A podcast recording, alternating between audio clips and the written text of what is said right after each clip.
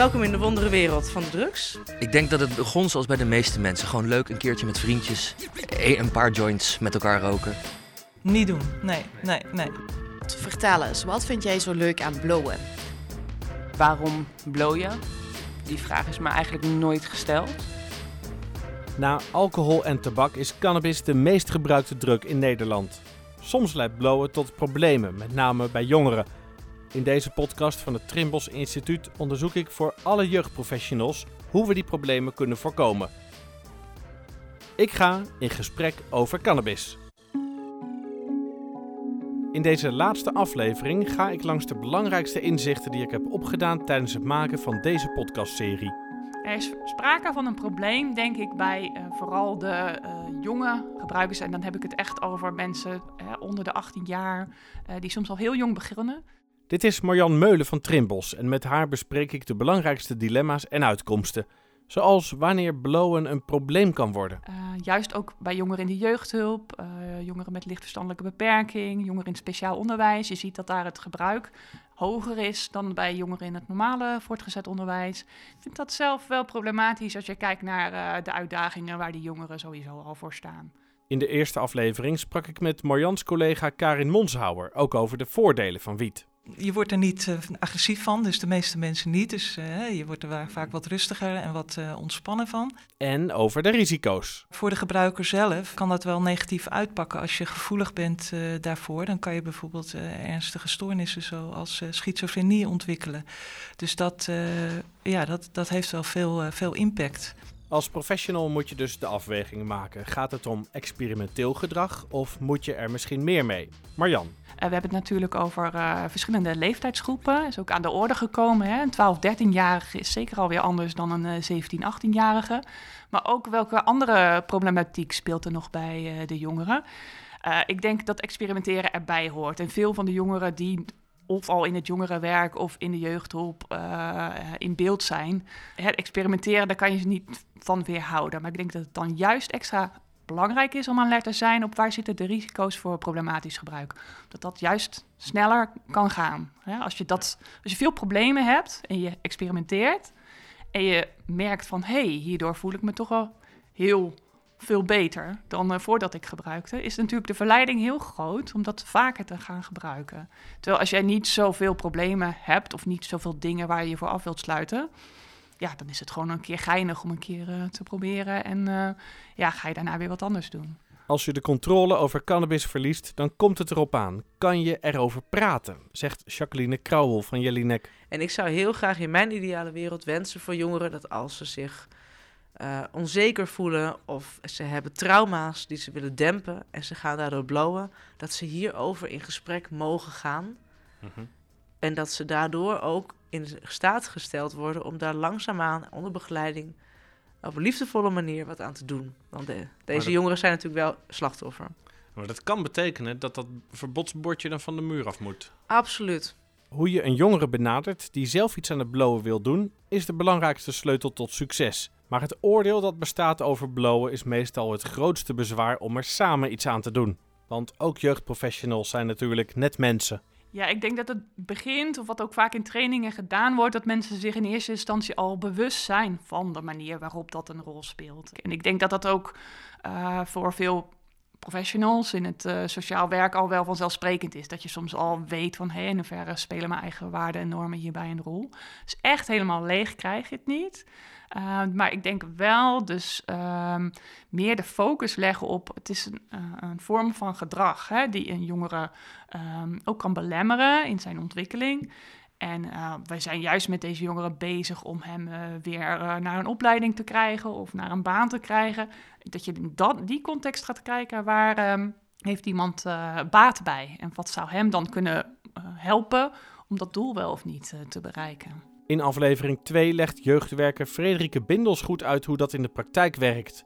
Ze helpt Tilburgse jongeren om hun leven op de rit te houden en soms wordt daar ook bij gebloot. Maar Frederike heeft een hele lange adem om in gesprek te blijven op een open manier. Ik heb nu bijvoorbeeld een andere jongere, die bloot echt heel veel. Die vergeet alles dan. En ik hoef dan alleen maar tegen hem te zeggen, de weeg bloot als ik ben weer vergeetachtig gaan doen, hè? Ik zeg ja. En die heeft nu zelf ook in de gaten dat hij, en dat heeft wel anderhalf jaar geduurd, hoor, moet ik er even bij zeggen. Maar die geeft nu zelf aan van ja, ik moet inderdaad minder gaan blowen, want ik vergeet dingen. En omdat ik dingen vergeet, maak ik het weer erger voor mezelf en gaat het weer verkeerd. Dus het is wel dat je daar juist door dat ze het bij je doen soms, kun je daar wel ook het gesprek open over aangaan. Het feit op het moment dat ze best veel blowen dingen laten vallen en ze hebben het zelf nog niet in de gaten, om dan met ze daar het gesprek over aan te gaan van ja, maar hoe komt het nou dat bepaalde dingen niet lopen? Ehm, wat heb je daarvoor nodig? En eh, dat wa- waarom doe je het? Het jeugdwerk wordt door de politiek vaak gezien als het duizend dingen doekje dat alle maatschappelijke problemen wel kan oplossen. Van werkloosheid tot geweld en van schulden tot drugs, zegt Stijn Siekelink van de Hogeschool Amsterdam. De jongerenwerker wordt inderdaad steeds ingezet om crisissen te lijf te gaan. Maar het jongerenwerk mag daar ook iets tegenover stellen.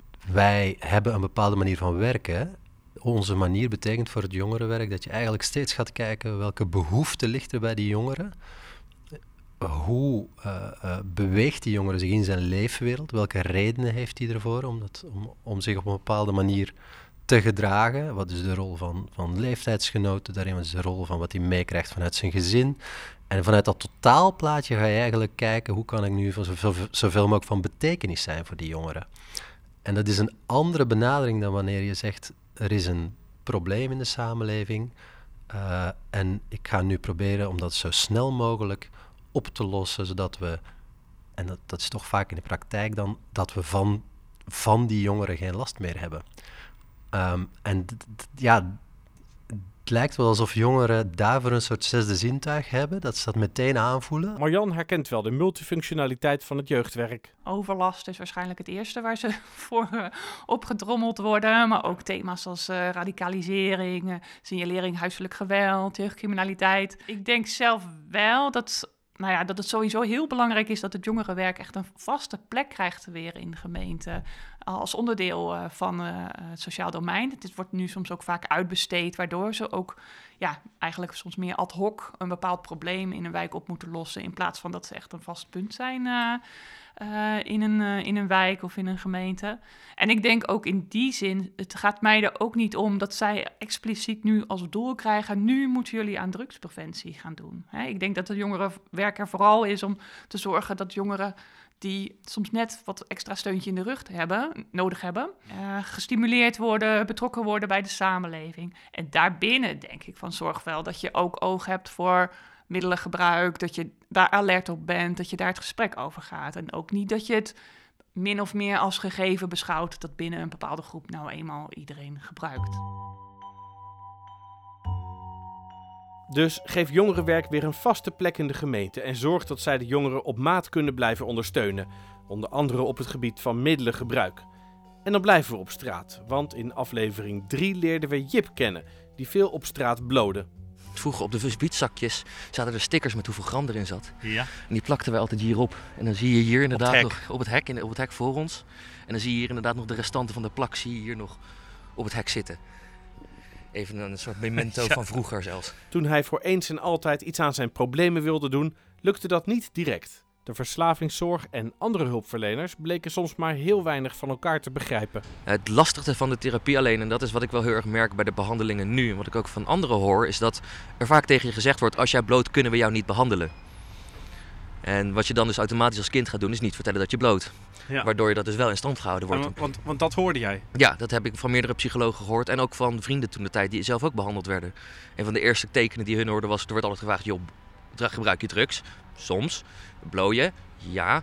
Oké, ja, als je te veel bloot, dan kunnen we je eigenlijk niet behandelen. Dus dan sta je buitenspel. Dan sta je buitenspel. En, en als je dus wel behandeld wil worden, zeg je dan ook maar dat je niet zoveel bloot. Terwijl dat eigenlijk wel gewoon zo is. Het klopt dat ehm, eh, ja, er een soort gat valt tussen de reguliere hulp en de verslavingszorg. En met name juist op dat stukje van, ja, wil een jongere echt hulp? En is die dan daarmee dus ook voldoende gemotiveerd voor de verslavingszorg? En wat je ziet is inderdaad dat uh, ja, het is en de financiering en ook hoe dat gaat met verzekeraars, maar ook wel de verschillende culturen volgens mij in de verschillende sectoren, waardoor jongeren daarin dus toch tussen wal en, uh, en schip vallen. En daar zit volgens mij um, aan de ene kant dus uh, het punt dat mensen die voor wie middelengebruik niet per se hun eerste issue is, daar soms toch ook een beetje weg van blijven of onvoldoende oog voor hebben of denken, ja, maar daar zit mijn expertise niet of nou ja, dat hoort er nu eenmaal bij, waardoor ze het soms ook onvoldoende adresseren. En aan de andere kant uh, vanuit de verslavingszorg die soms uh, toch ja, het liefst uh, wel wil beginnen met een jongere die al gemotiveerd is. en daardoor soms ook op die manier um, uh, ja, al kijkt op het moment dat een jongen binnenkomt van hé, hey, uh, ja, kan dit echt een succesvolle behandeling worden? Ja. En, ze willen niet hun tijd verdoen met het overtuigen van jongeren om zich te laten behandelen. Ja, of ze willen gewoon aan de slag. Ja, ze willen aan de slag. En daar zit echt een, een, een, een, gat. En ik hoor dat heel vaak terug. Van beide kanten eigenlijk. Ja. Van drie kanten eigenlijk. Van de hulpverleners, de verslavingszorg en van de jongeren. Klopt, ja, ja, inderdaad. Ja, dus ook van de jongeren zelf. En dat is eigenlijk nog het meest uh, schijnend natuurlijk. Ja. Wat zou daar gedaan aan kunnen worden? Ja, ik denk zelf echt helemaal qua zorgverzekeringswet en hoe dat allemaal geregeld wordt. Dat, volgens mij is dat best wel complex om te veranderen. Uh, maar ik denk zelf wel dat je eigenlijk veel meer zou moeten denken vanuit de behoefte van de zorg van, van de jongeren zelf. En ook de manier, zeg maar, wat daarvoor nodig is.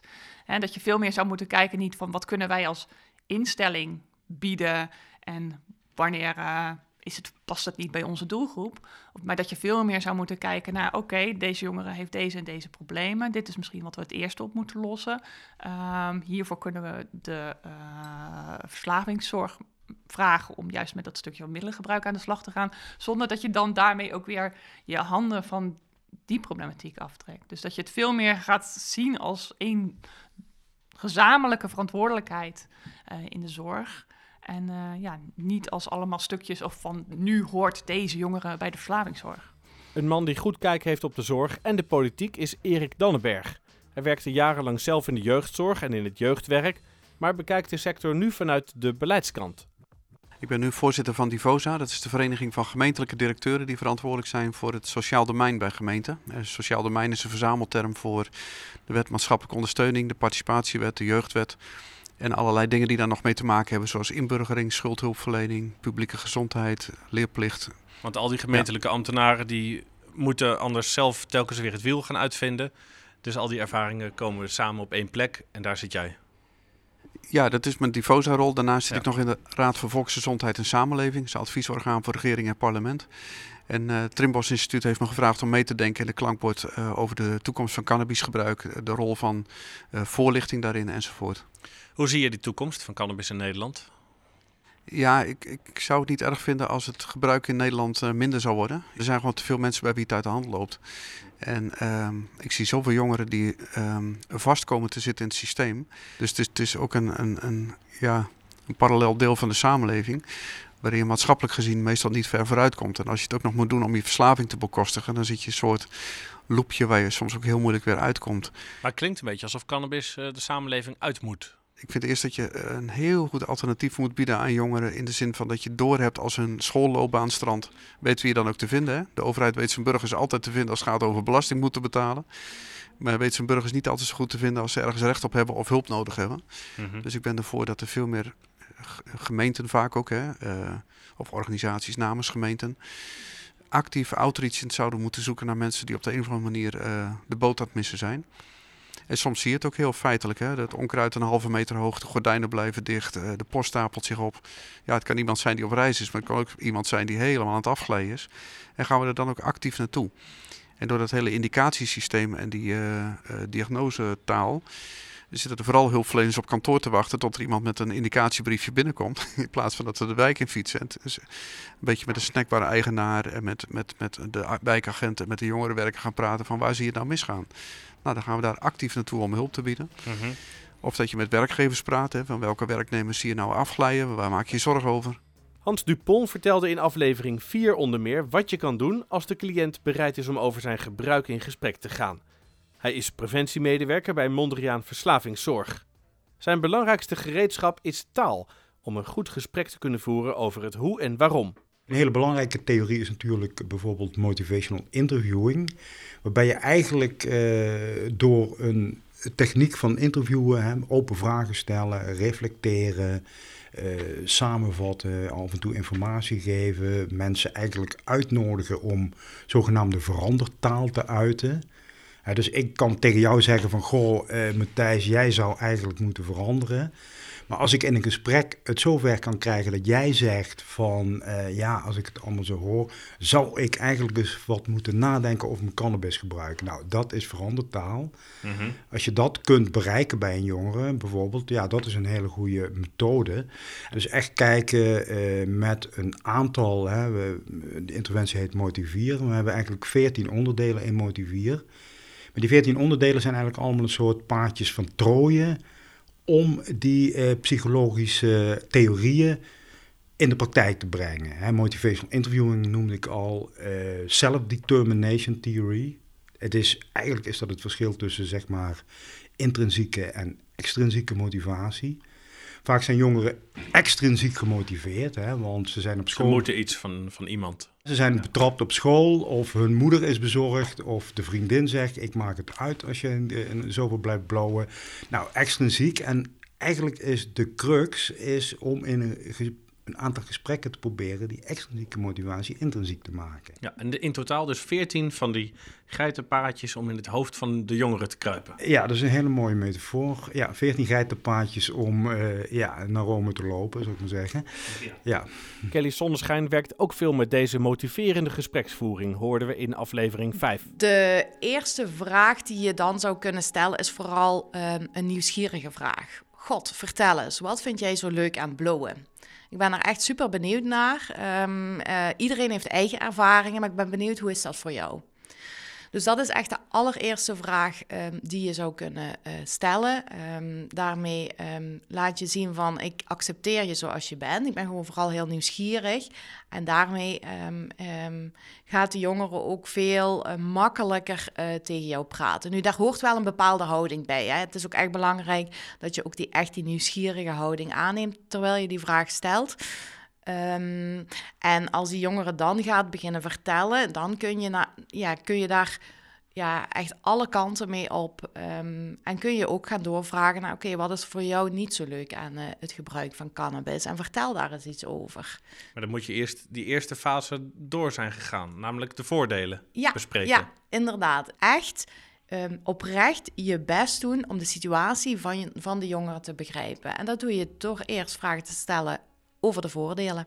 Deze gesprekstechniek wordt gezien als een goed middel om cannabisgebruik bespreekbaar te maken. En toch is het nog lang geen standaard praktijk, zegt Marjan Meulen. We hebben veel mooie voorbeelden gezien, ook in de podcast, als het gaat om uh, motiverende gespreksvoering en hoe je dat toepast.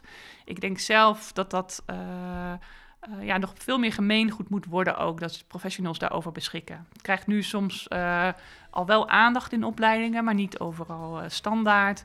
Terwijl ik denk dat het heel goed is als mensen echt zien van oké, het maakt echt uit op welke manier ik dat gesprek aanga.